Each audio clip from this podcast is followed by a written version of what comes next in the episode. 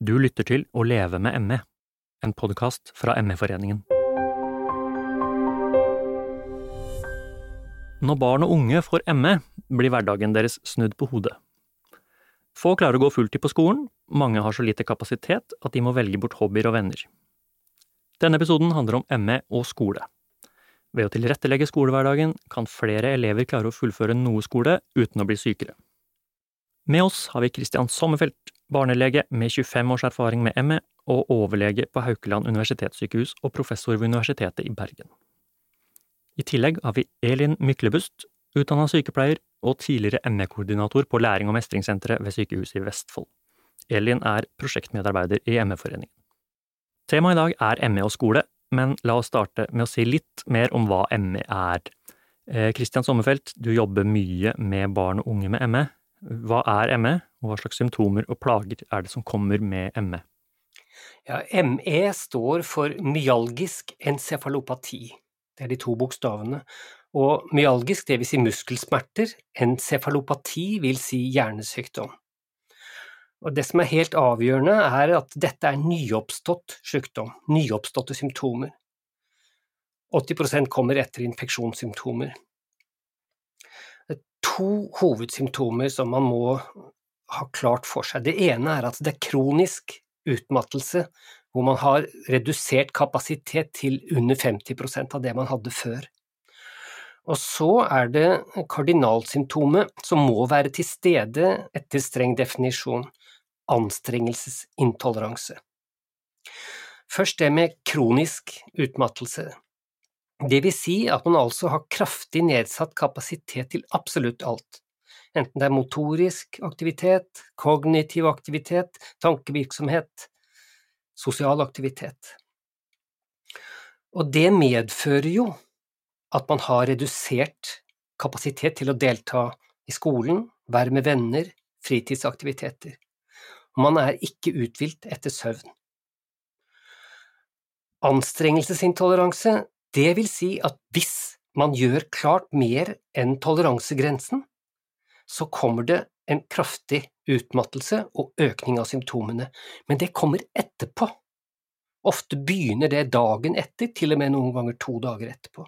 Med andre ord syns det ikke, for da er man oftest hjemme et annet sted og kommer seg ikke ut.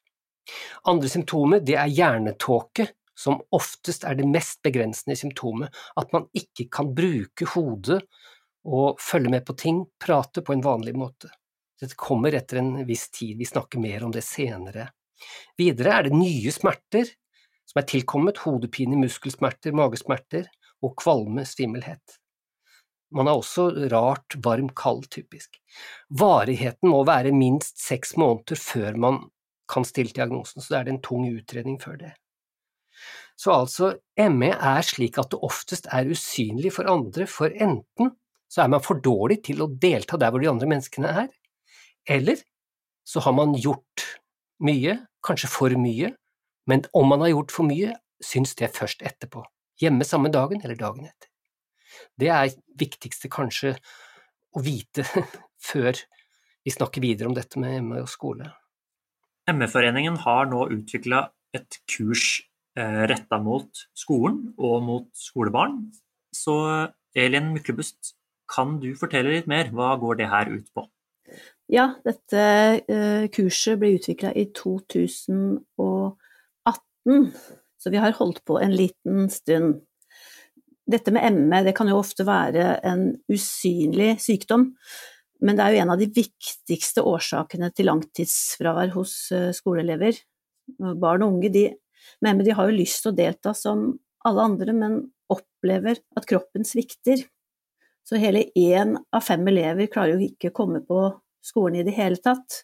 Men også disse har jo nytte av at skolen kan noe med ME, for uh, håpet er jo at de blir friskere og kommer på skolen senere.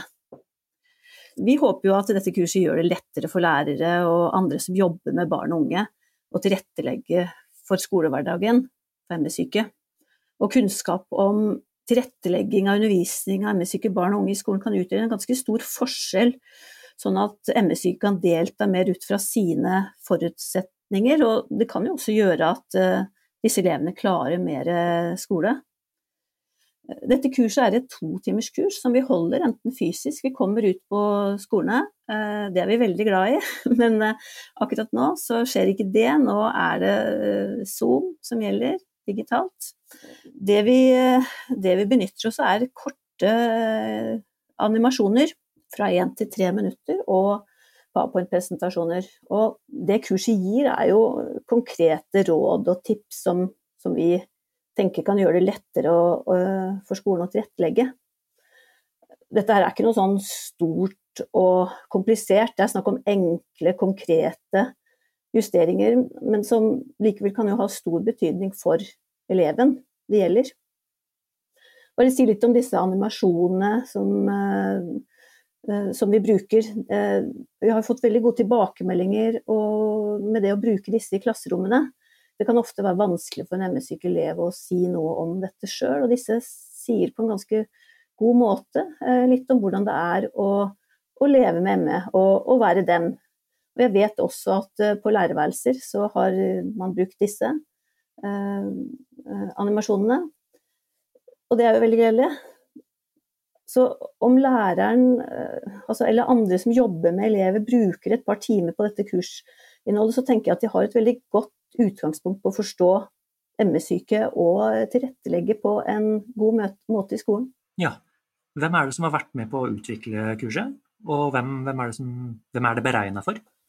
Ja, så dette kursopplegget det er jo uh, eh, utvikla av Norges ME-forening Rogaland fylkeslag, men vi har bred faglig støtte uh, i arbeidsgruppa som uh, bl.a. besto av psykolog, spesialist, helsesykepleiere, lærer, spesialpedagog, og selvfølgelig da brukerstemmene, pårørende og uh, ME-syke. Altså målgruppa, så det kurset er jo laga for alle yrkesgrupper, altså faggrupper som jobber med ME-syke barn og unge i skolen. Og det er jo litt av de samme som har vært med å utvikle uh, dette kurset. Altså lærere, PPT, oppfølgingstjenesten, barnevern. Men uh, det er også viktig å få med seg de som jobber i kommunene, fysioterapeuter, ergoterapeuter, helsesykepleiere, for de kommer ofte inn på et tidlig tidspunkt. De er, kan ofte være en viktig ressurs for både familie og uh, den ME-syke. Så dette er en, en viktig målgruppe. Og, og, også tenker jeg at foreldrene de kjenner barna sine, både som friske og som syke. Så de er også viktig at de får delta og se hva dette her Eh, dreier seg om, og de kan jo også være linken inn, inn til skolen. Så de er en viktig ressurs. Og nå har jo over 1000 eh, personer tatt dette kurset. Vi får gode tilbakemeldinger, og, så det viser jo at, vi, at kurset har stor nytteverdi. Vi skal eh, komme tilbake til det her med tilrettelegging, men Kristian, det her med ME-syke elever, hvorfor er det så vanskelig å, å få skolehverdagen til å gå opp for en elev som har ME? Ja, det er jo kjernesymptomene ved sykdommen, hjernetåken, som typisk slår inn etter 30-60 minutter, kanskje i løpet av et par minutter, så merker de at de ikke kan følge med på vanlig måte, blir uklare i tankegangen, ofte blir de litt røde i kinnene og bleke rundt munnen. Og så er det utmattelsen generelt, som jo er der hele tiden, så dette fører til nedsatt evne til å konsentrere seg, og så er det smerte, kvalme. Og selvfølgelig alltid at de har anstrengelsesintoleransen som de vet om, med andre ord hvis de slipper seg løs fullt, så går det på trynet og de blir dårlige dagen etter. Så det er kjernesymptomene ved sykdommen som gjør det vanskelig i skolen. Og skolen er jo den viktigste arenaen egentlig i livet for barn og unge, stort sett. Og når ME rammer da, kan man tenke seg at det typiske er at man har 10–15% av tidligere kapasitet. Det er en kraftig reduksjon, så man får til veldig mye mindre av selve skolearbeidet, kommunikasjonen med venner, humor, latter, alt på skolen reduseres kraftig, og skoleaktiviteter ellers, gymnastikk osv., Utenom skoletiden så er det jo venner, fritidsaktiviteter som eh, ofte ikke er mulig i det hele tatt å ha. Det varierer. Noen kan opprettholde noe vennskap, for eksempel med én, kanskje to venner, oftere faktisk venninner, som forstår situasjonen. Så livskvaliteten for den med ME tilsvarer en pågående cellegiftbehandling hele tiden. Det er god forskning som støtter. Så det er en alvorlig krise, men igjen, disse elevene er fantastiske til å mestre det, så deres mestring av krisen gjør at sykdommen igjen blir mindre synlig, fordi de faktisk lærer seg til å bære det.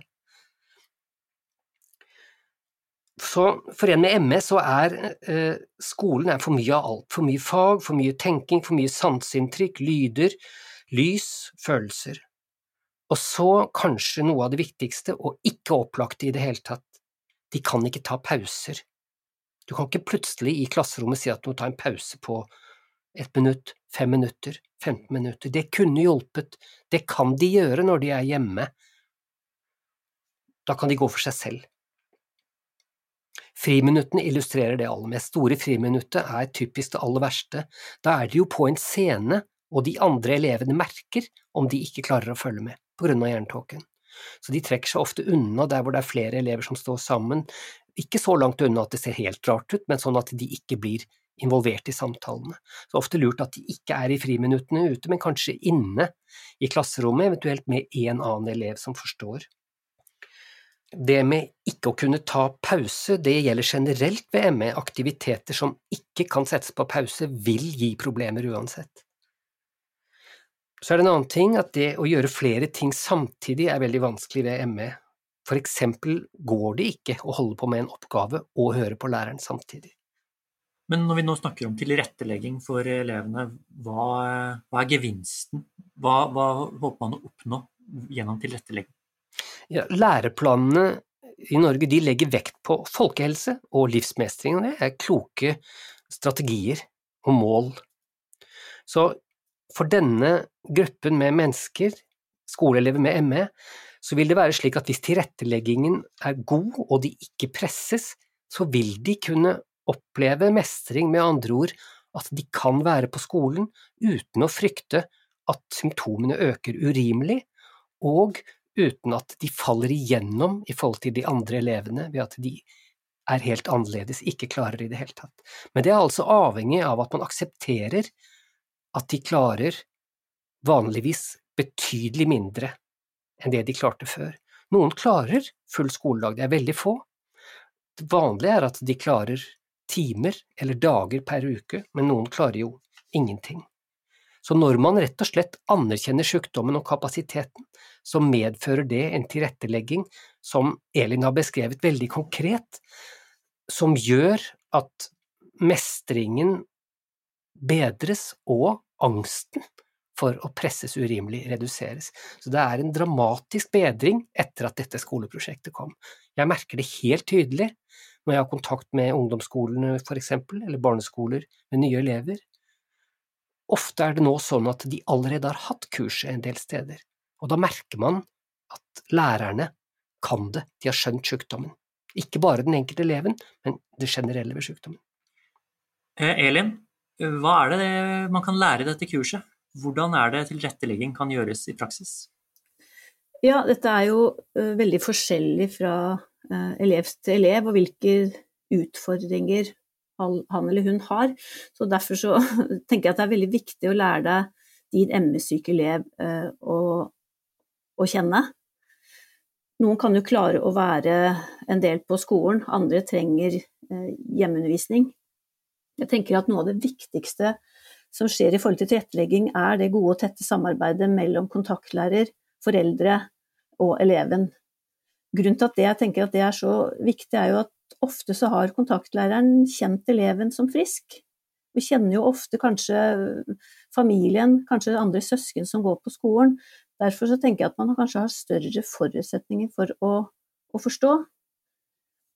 Og så tenker jeg at det er, det er, viktig at skole og undervisning tilpasses eleven og sykdomsbildet, og ikke motsatt.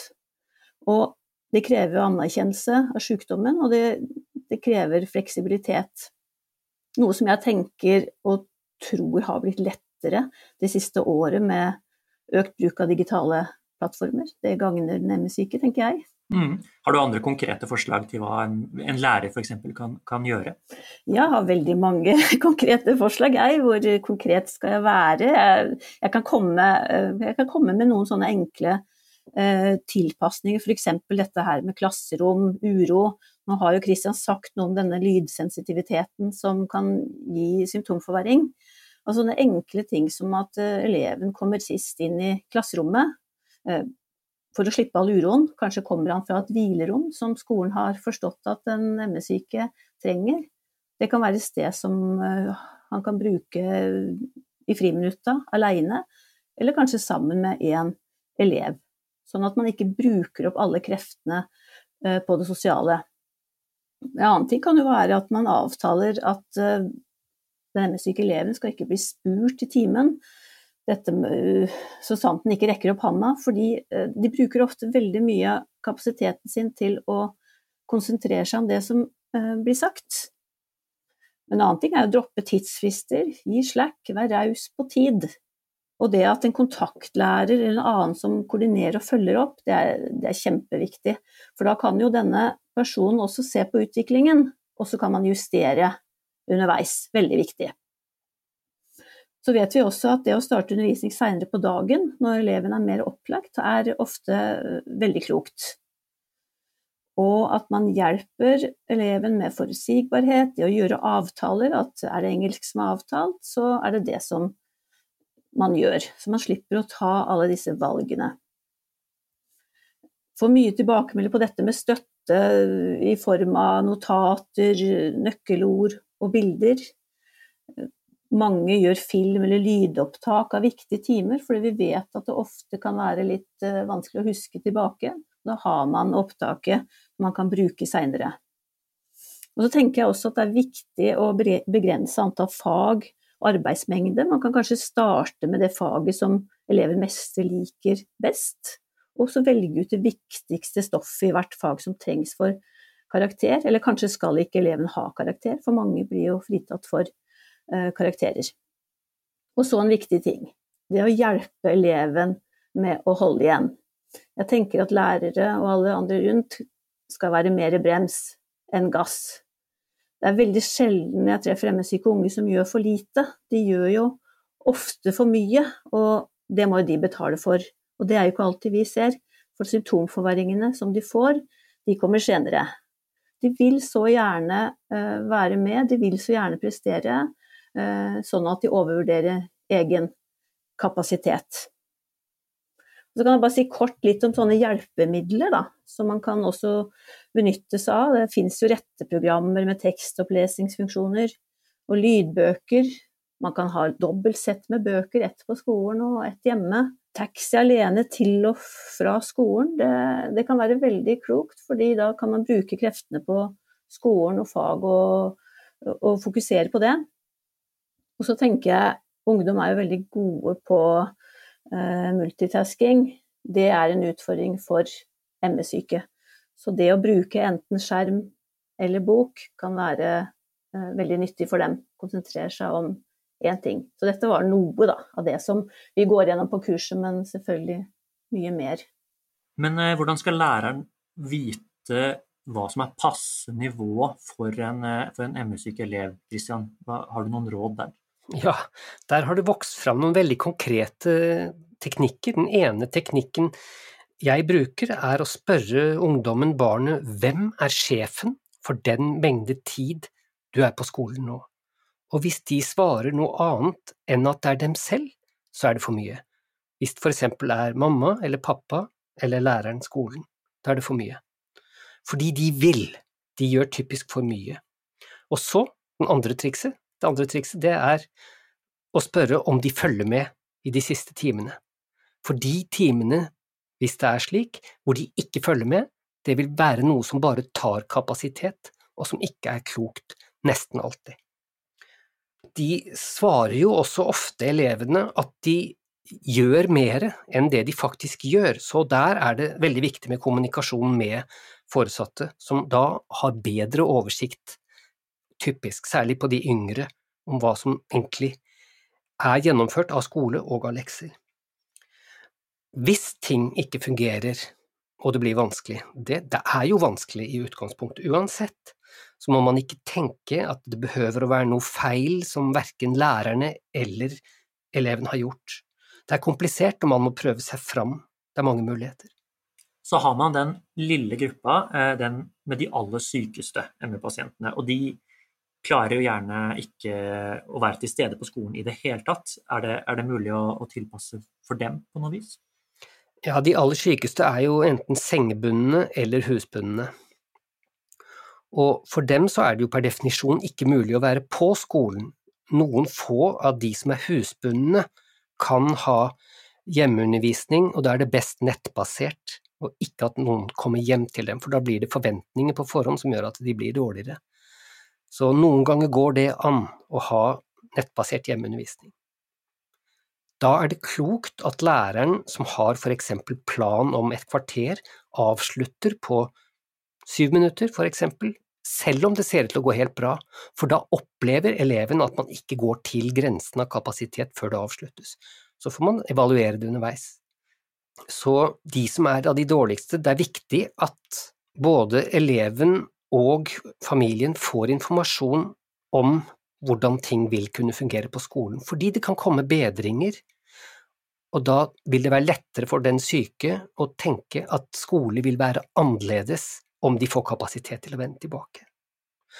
Det er også viktig med oppmerksomhet fra skolen overfor de sykeste med å sende et kort, SMS, tegning, avhengig av alder.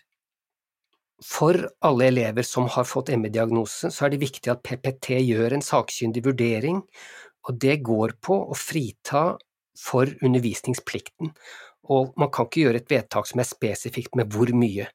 Det må reduseres, kravene. Og det må komme tidlig inn. Mm. Helt til slutt, Elin. Nå har du eh, fortalt litt om hva kurset går ut på, og eh, dere har kjørt en liten stund. Du nevnte at rundt 1000 personer eh, har tatt kurset så langt. Hva, har, hva slags respons har, har, dere fått? Ja, Skolene har gitt oss veldig gode tilbakemeldinger. opplever jo at det har skapt stort engasjement både hos, ja, både hos PPT og lærer og rektor, og også hos pårørende. Og den, den, altså hovedpersonen, da, elevene. Eh, jeg har jo snakket med noen av de som, som, opplever, som sier at de er jo letta fordi de opplever jo at skolehverdagen eh, har blitt enklere. Eh, lett tror jeg nok ikke den er, men den har blitt enklere når noen vet hvordan det er å, å ha ME. Ellers så har jo de nabolandene våre også sett til dette prosjektet, så eh, det er jo eh, tegna samarbeidsavtale med både Sverige og Finland. Danmark har også eh, starta opp den digitale utgaven av dette kurset, og tilbyr da kurs i Danmark, oversatt til dansk, og er i gang med det. Så hvis noen ble nysgjerrig, eller fikk lyst til å høre mer om dette her, så har vi jo selvfølgelig nettside. Så da syns jeg dere skal gå inn på nettsida ME og skole. Der ligger det mer info, og der kan man også eh, booke kurs. Og så vil noen eh, ta kontakt med dere. Så da kan vi komme enten til skolene hvis korona vil, eller vi kan holde kurset digitalt. Tusen takk, Kristian Sommerfelt og Elin Myklebust. Kurset ME og skole er utvikla med støtte fra Gjensidigestiftelsen og stiftelsen DAM. Tilpassa skolehverdag gjør at flere ME-syke barn og unge kan få med seg mer av opplæringen og skolefellesskapet. Takk for at du hørte på. Mitt navn er Halvor Bjørntvedt.